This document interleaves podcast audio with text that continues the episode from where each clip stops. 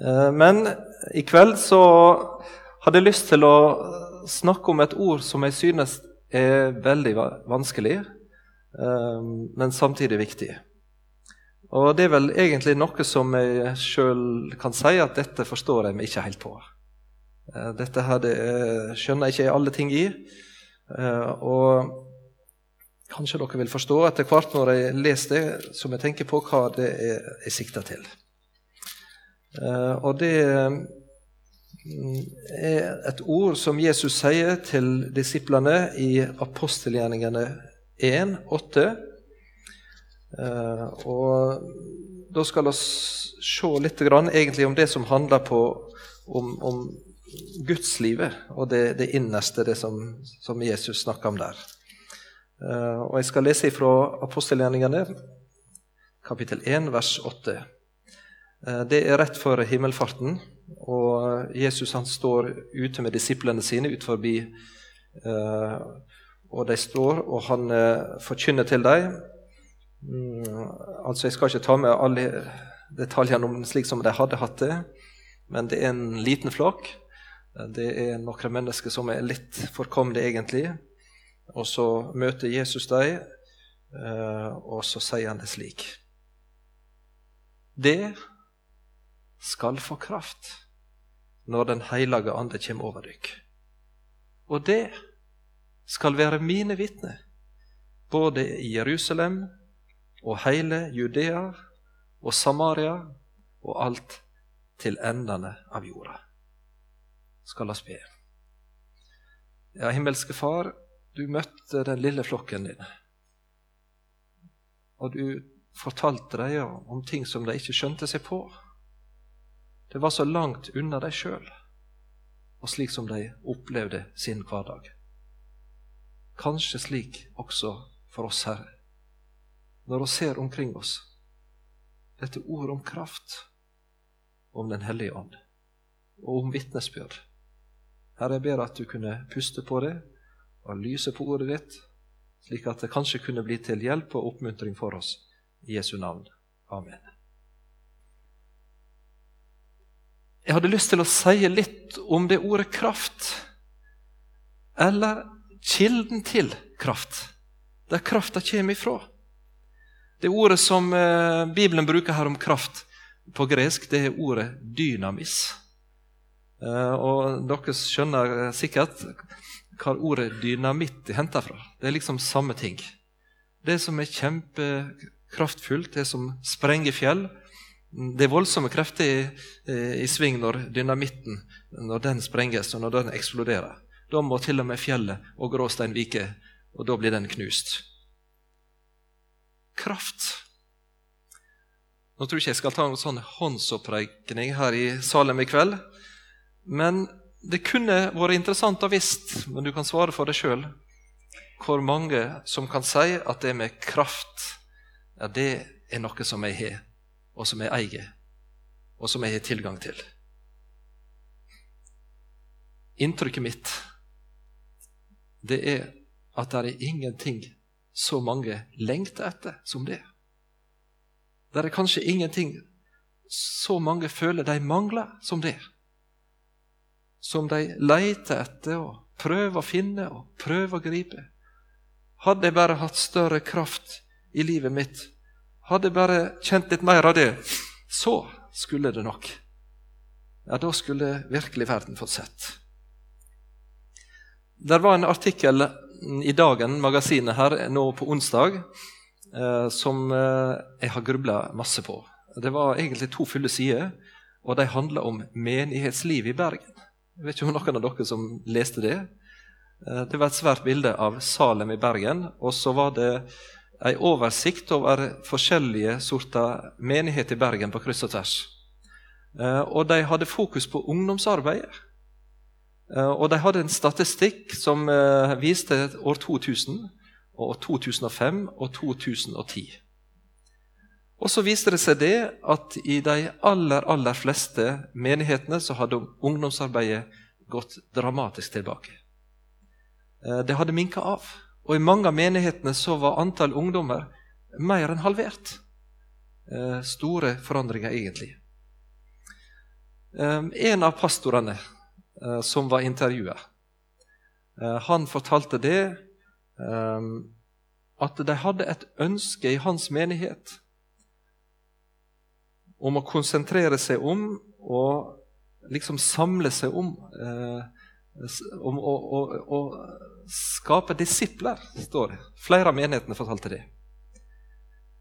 Eh, det vil si, Hvis du leste den, de intervjuene med de mange ulike menighetslederne som var der, så så de for seg at de hadde et ønske om at deres menighet og deres ungdomsarbeid og deres ungdommer skulle bestå av frimodige, kraftfulle, glade, sterke, flinke, utadvendte og misjonerende kristne.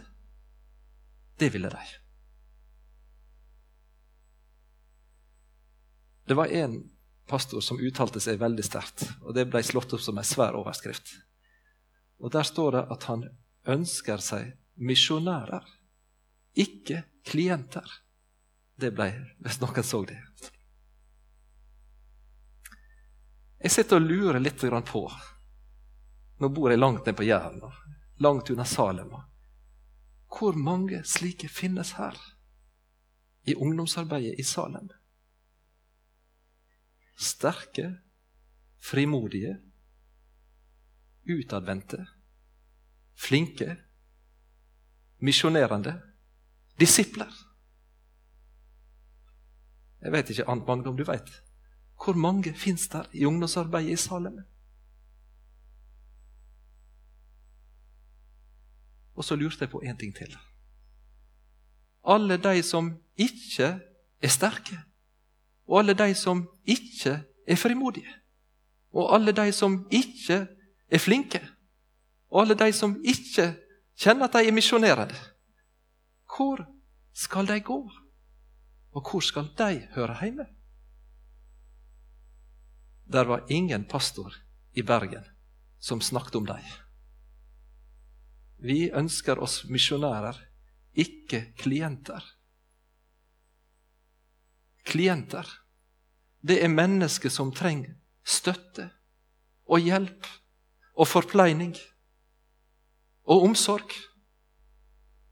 Klienter, det er mennesker som ikke så godt klarer seg på egen hånd. Er de uønska. De sa ikke akkurat det, men det var ingen som ønska dem.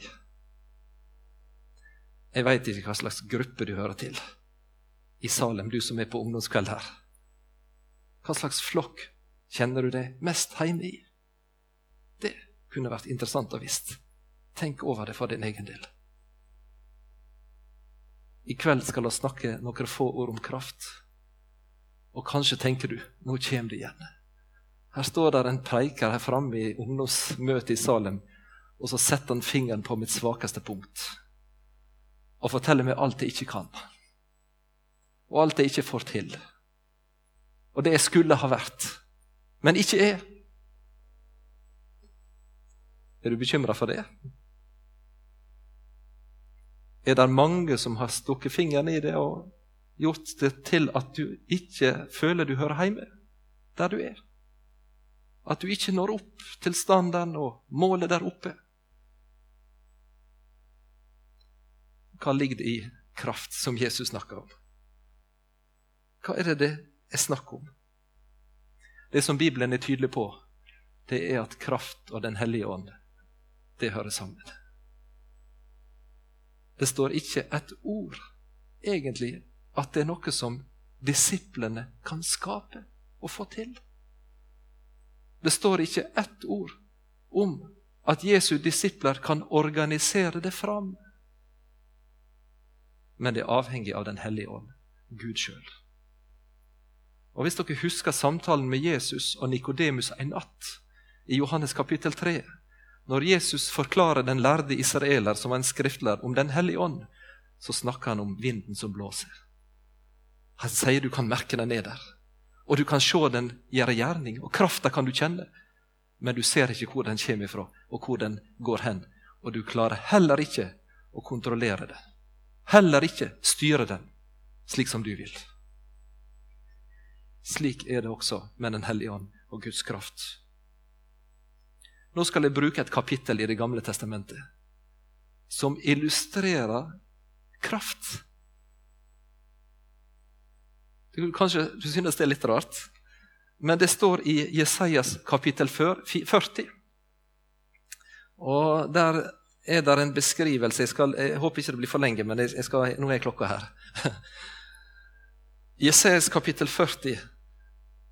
Der den, det Jesajas han blir kalt for evangelisten i Det gamle testamentet. Er, det er utrolig masse flotte ord fra Jesajas. Og Jesajas 40 Der er det en sammenligning i det kapitlet. Og der står det på ene sida menneske. På ene sida Israels folk, Guds folk. På ene sida du, og på den andre sida Gud. Og så blir disse to tingene liksom stilt opp mot hverandre.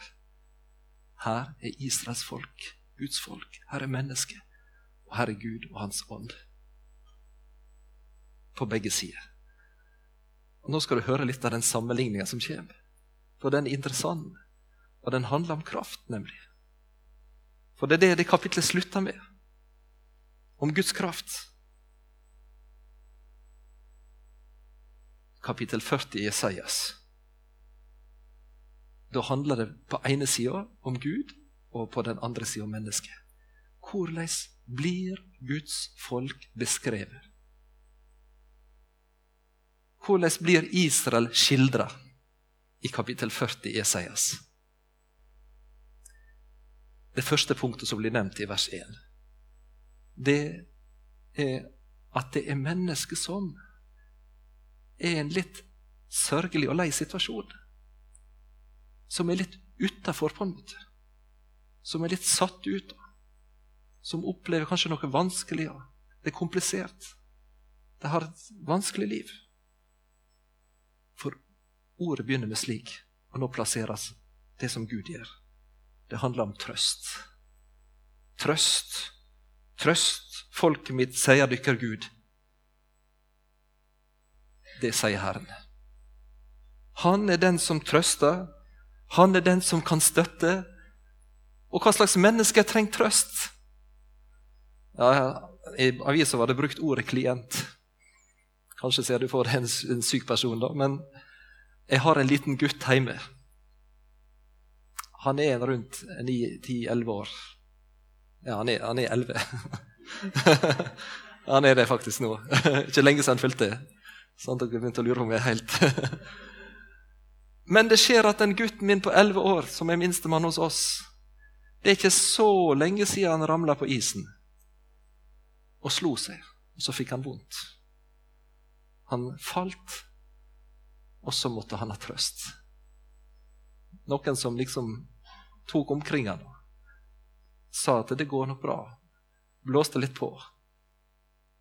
Det er ikke så lenge siden min elleveårige gutt ropte fra sengekanten inne på rommet i halv elleve-tida 'Far! Far!'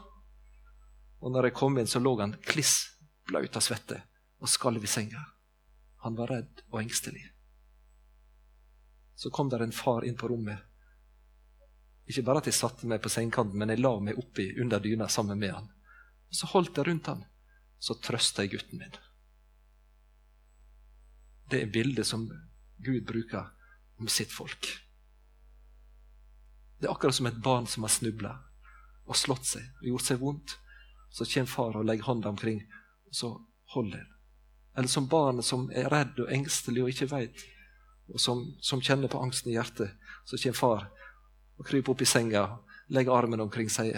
'Her er jeg. Ikke vær redd.' Slik er det. Så er neste beskrivelse i vers 2. Der står det om dette at mennesker de opplever strid og kompliserte ting inni hjertet sitt. Og til mennesker som lever i en situasjon av Guds folk og Israels folk som har strid i hjertet, så sier Gud, tal vennlig til Jerusalem og rop til henne at striden henne er endt. Den tredje beskrivelsen av Guds folk og Israels folk det er et menneske og et folk som har skyld. Og så roper, står Gud på andre sida og sier, Guds folk, Israel, skylda di er betalt. Den er betalt. Den fjerde beskrivelsen som Israel får, det er et folk og et menneske som har synd. Så står Gud på andre sida, og så roper over til den at Hør, dere har fått av mi hånd, av Herrens ånd, dobbelt for alle deres synder. Der dere er full av synd og misgjerning, ja, der er den synda sletta ut, sier Gud, og så har jeg gjort det til en arving. Til en førstefødt, står det egentlig i det verset der. Slik er Israels situasjon. Hvis vi blar over på neste side, i vers 3, så står det om ødemark og om villmark. Israel. Slik er deres situasjon. Og Så kommer der en på andre sida som er Gud, og så sier han jeg skal rydde en vei for deg. Jeg skal jamne bakkene som ligger framfor deg, og daler skal jeg slette ut, og det skal bli en rett vei. Og så kommer det en beskrivelse til i vers 7. Det handler om kjøtt. Alt kjøtt, alt menneske er som gras. All herligdommen det har som blomster på marken, det tørker bort og visner. Og så kommer Gud og beskriver seg sjøl. Men Guds ord det står fast til evig tid. Legg merke til de to, hvor, hvor ulikt det er. Og I vers 11 så er det beskrivelsen av saueflokken som ikke har sjanse til å passe seg sjøl, og som ikke eh, er forsvarsløs mot ville dyr, og som ikke kan finne mat og drikke på egen hånd. Slik blir Israel beskrevet. Og på den andre sida Gud. Da står det han er den hyrden som skal vokte dem og verne dem. Og så til slutt i kapittelet det som var mitt hovedord. Der står det om Israel og Guds folk at de er slitne og trøtte og mangler kraft. Og så står det om Gud at han gir den trøtte kraft, og den som ingen krefter har, beskrivelsen av Guds folk, der gir Gud stor styrke. Slik er beskrivelsen. Begge deler. Merkelig dobbelt, egentlig. Du kan gå til Det nye testamentet, så vil du finne det samme. En beskrivelse av kristenlivet, slik som Paulus beskriver de andre korinterne eh, i kapittel 6. Der står det slik, hvis jeg klarer å finne det nå Andre korinterne 6, vers 3. Vers, 3, vers 4.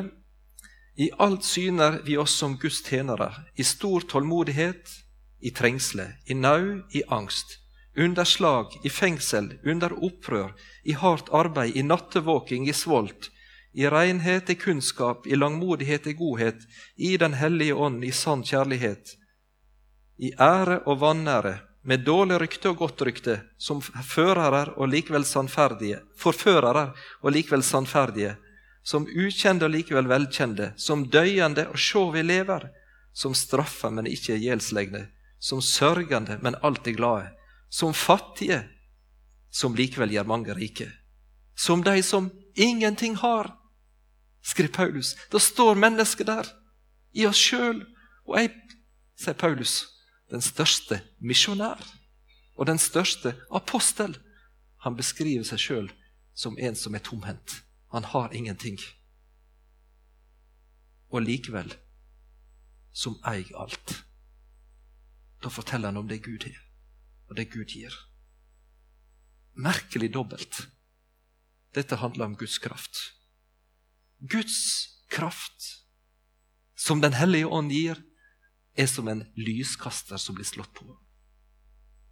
Og Da skal jeg lese ett vers til. Og Det beskriver kristenlivet og det som har med Guds kraft å gjøre, i Salme 36, vers 10.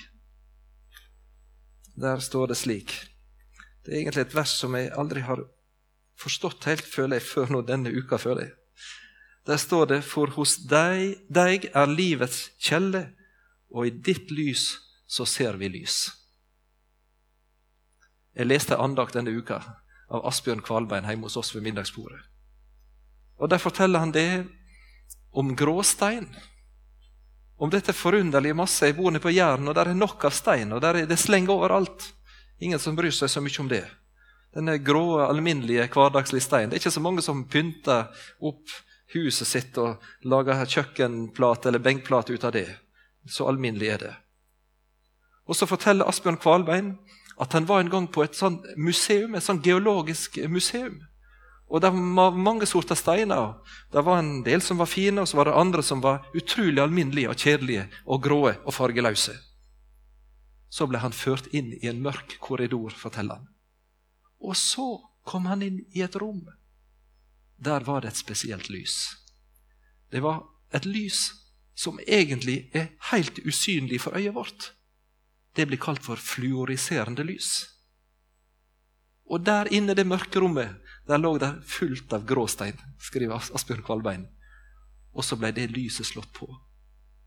Og så oppdaga de alle som var der, at de steinene som ser så gråe og kjedelige og puslete og alminnelige ut, de skein som diamanter. De glitra med alle verdens farger, som de vakreste i verden. Slik er krafta i et gudsliv. Slik er det når en syndig og fattig og kraftløst menneske får se at i Guds lys så er han rein og rettferdig himmelen verdig. Jeg vet ikke om du har sett dette sjøl. Om du har opplevd denne kilden til kraft.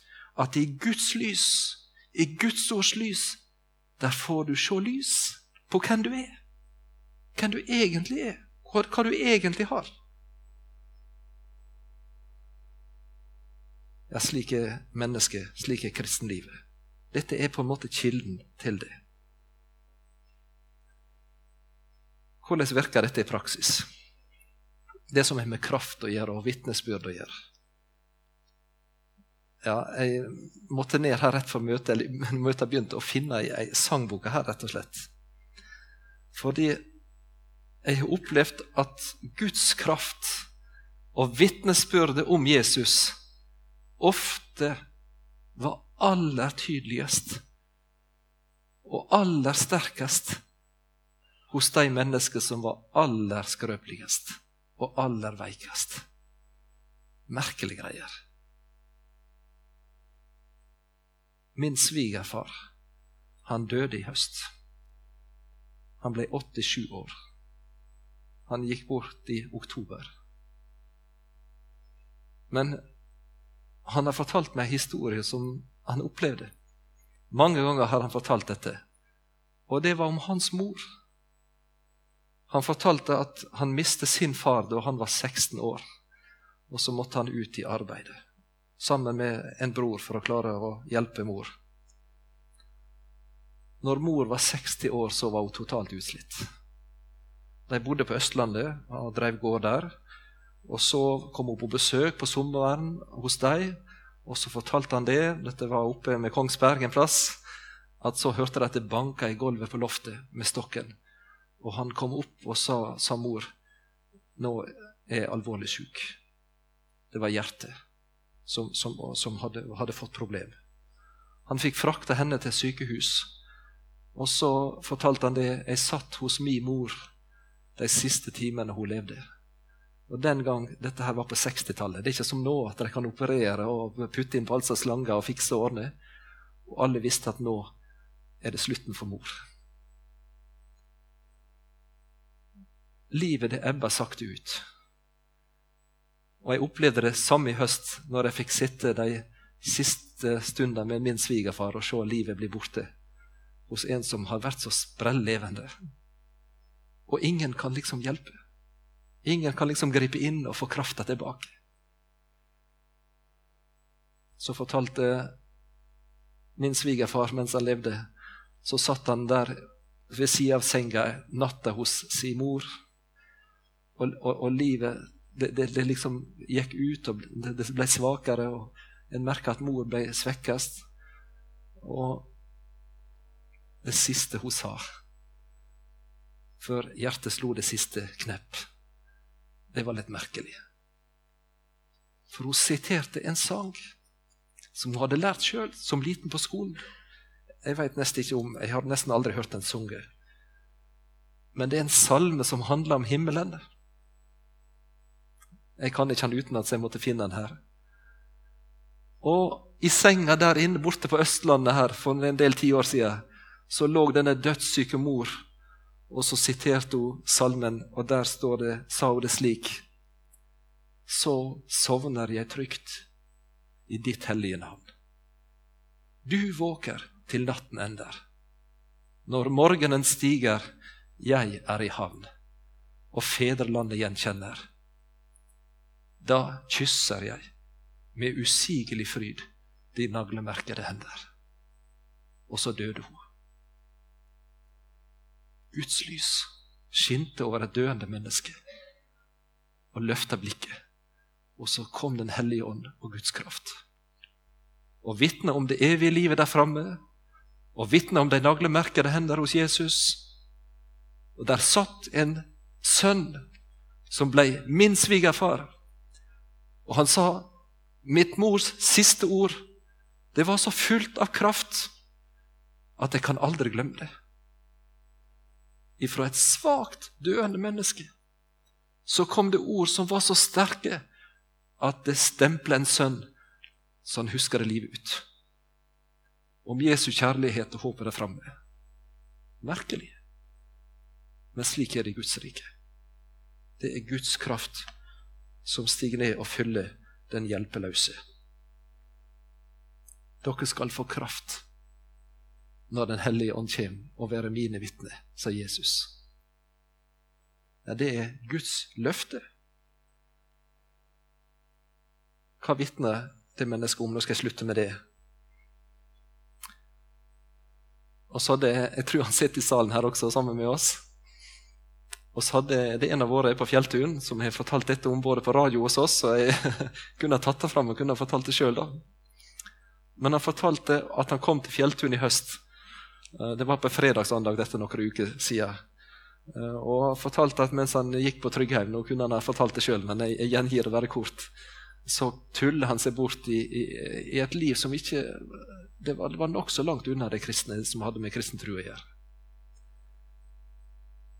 På bibelskolen på Fjelltun så lå det et lite kort håndskrevet der navnet hans sto på. Og så sto det et enkelt lite bibelvers. Så er det da ingen fordømmelse for den som er i Kristus, Jesus. Han fortalte ikke så mye til oss i høst om dette. Men her for noen uker siden på et fredags formiddagssamling, så fortalte han til oss at det bibelverset det var akkurat som en lyskaster som ble slått på. Og så fikk han se sitt liv i et nytt lys. Det er ingen fordømmelse for den som er Kristus Jesus. Og for oss som sitter omkring på utsida, så må jeg si oss oppleve et menneske med en ny glød og en ny frimodighet og en ny kurs og en trang til å fortelle dette til andre. Det ser oss. Ikke så lenge siden så hadde jeg også en samtale, og satt og prata om forskjellige ting, og ikke alt var like enkelt. Og så på slutten av samtalen så spurte jeg om det var et bibelvers som du er glad i, som, som er gitt hjelp og da fikk jeg dette bibelverset her, og det har jeg lyst til å lese før jeg setter seg amen. Nå er vi midt oppi det som gir kraft og frimodighet. Og der ble det bibelverset lest som velsigner meg. Herren din Gud er hos deg, en kjempe som frelser. Han fryder seg over deg med glede. Han tier i sin kjærlighet, og han jubler over deg med fagnarop. Ser du deg sjøl i det lyset? Der ligger Guds kraft og frimodigheten til å vitne om Jesus for andre gjemt, skal la oss takke. Kjære Jesus, takk for at du bor hos den hjelpeløse, den sønderknuste, knuste, den som ingen krefter har, den fattige, den elendige, den falne, syndige, ureine, hjelpeløse, nedtrykte der bor du, Herre, med all din tilgivelse og fred. med all din kraft og med all din kjærlighet og varme. Jesus, du kjenner til om det er noen i ungdomsmøtet i Salem i kveld som kjenner på nedbøydhet og hjelpeløshet, på det mislykka og på det kraftløse, mangel på frimodighet og på tvil. Takk for at du, Jesus, vil bo hos et slikt menneske. Med all din fred, med all din rettferdighet, med all din tilgivelse og med framtid og håp. Jeg priser deg, Jesus, for at jeg kan vitne her i Salem at det er mitt håp, og det er min kraft, at jeg har deg å gå til, og at du er min. Amen.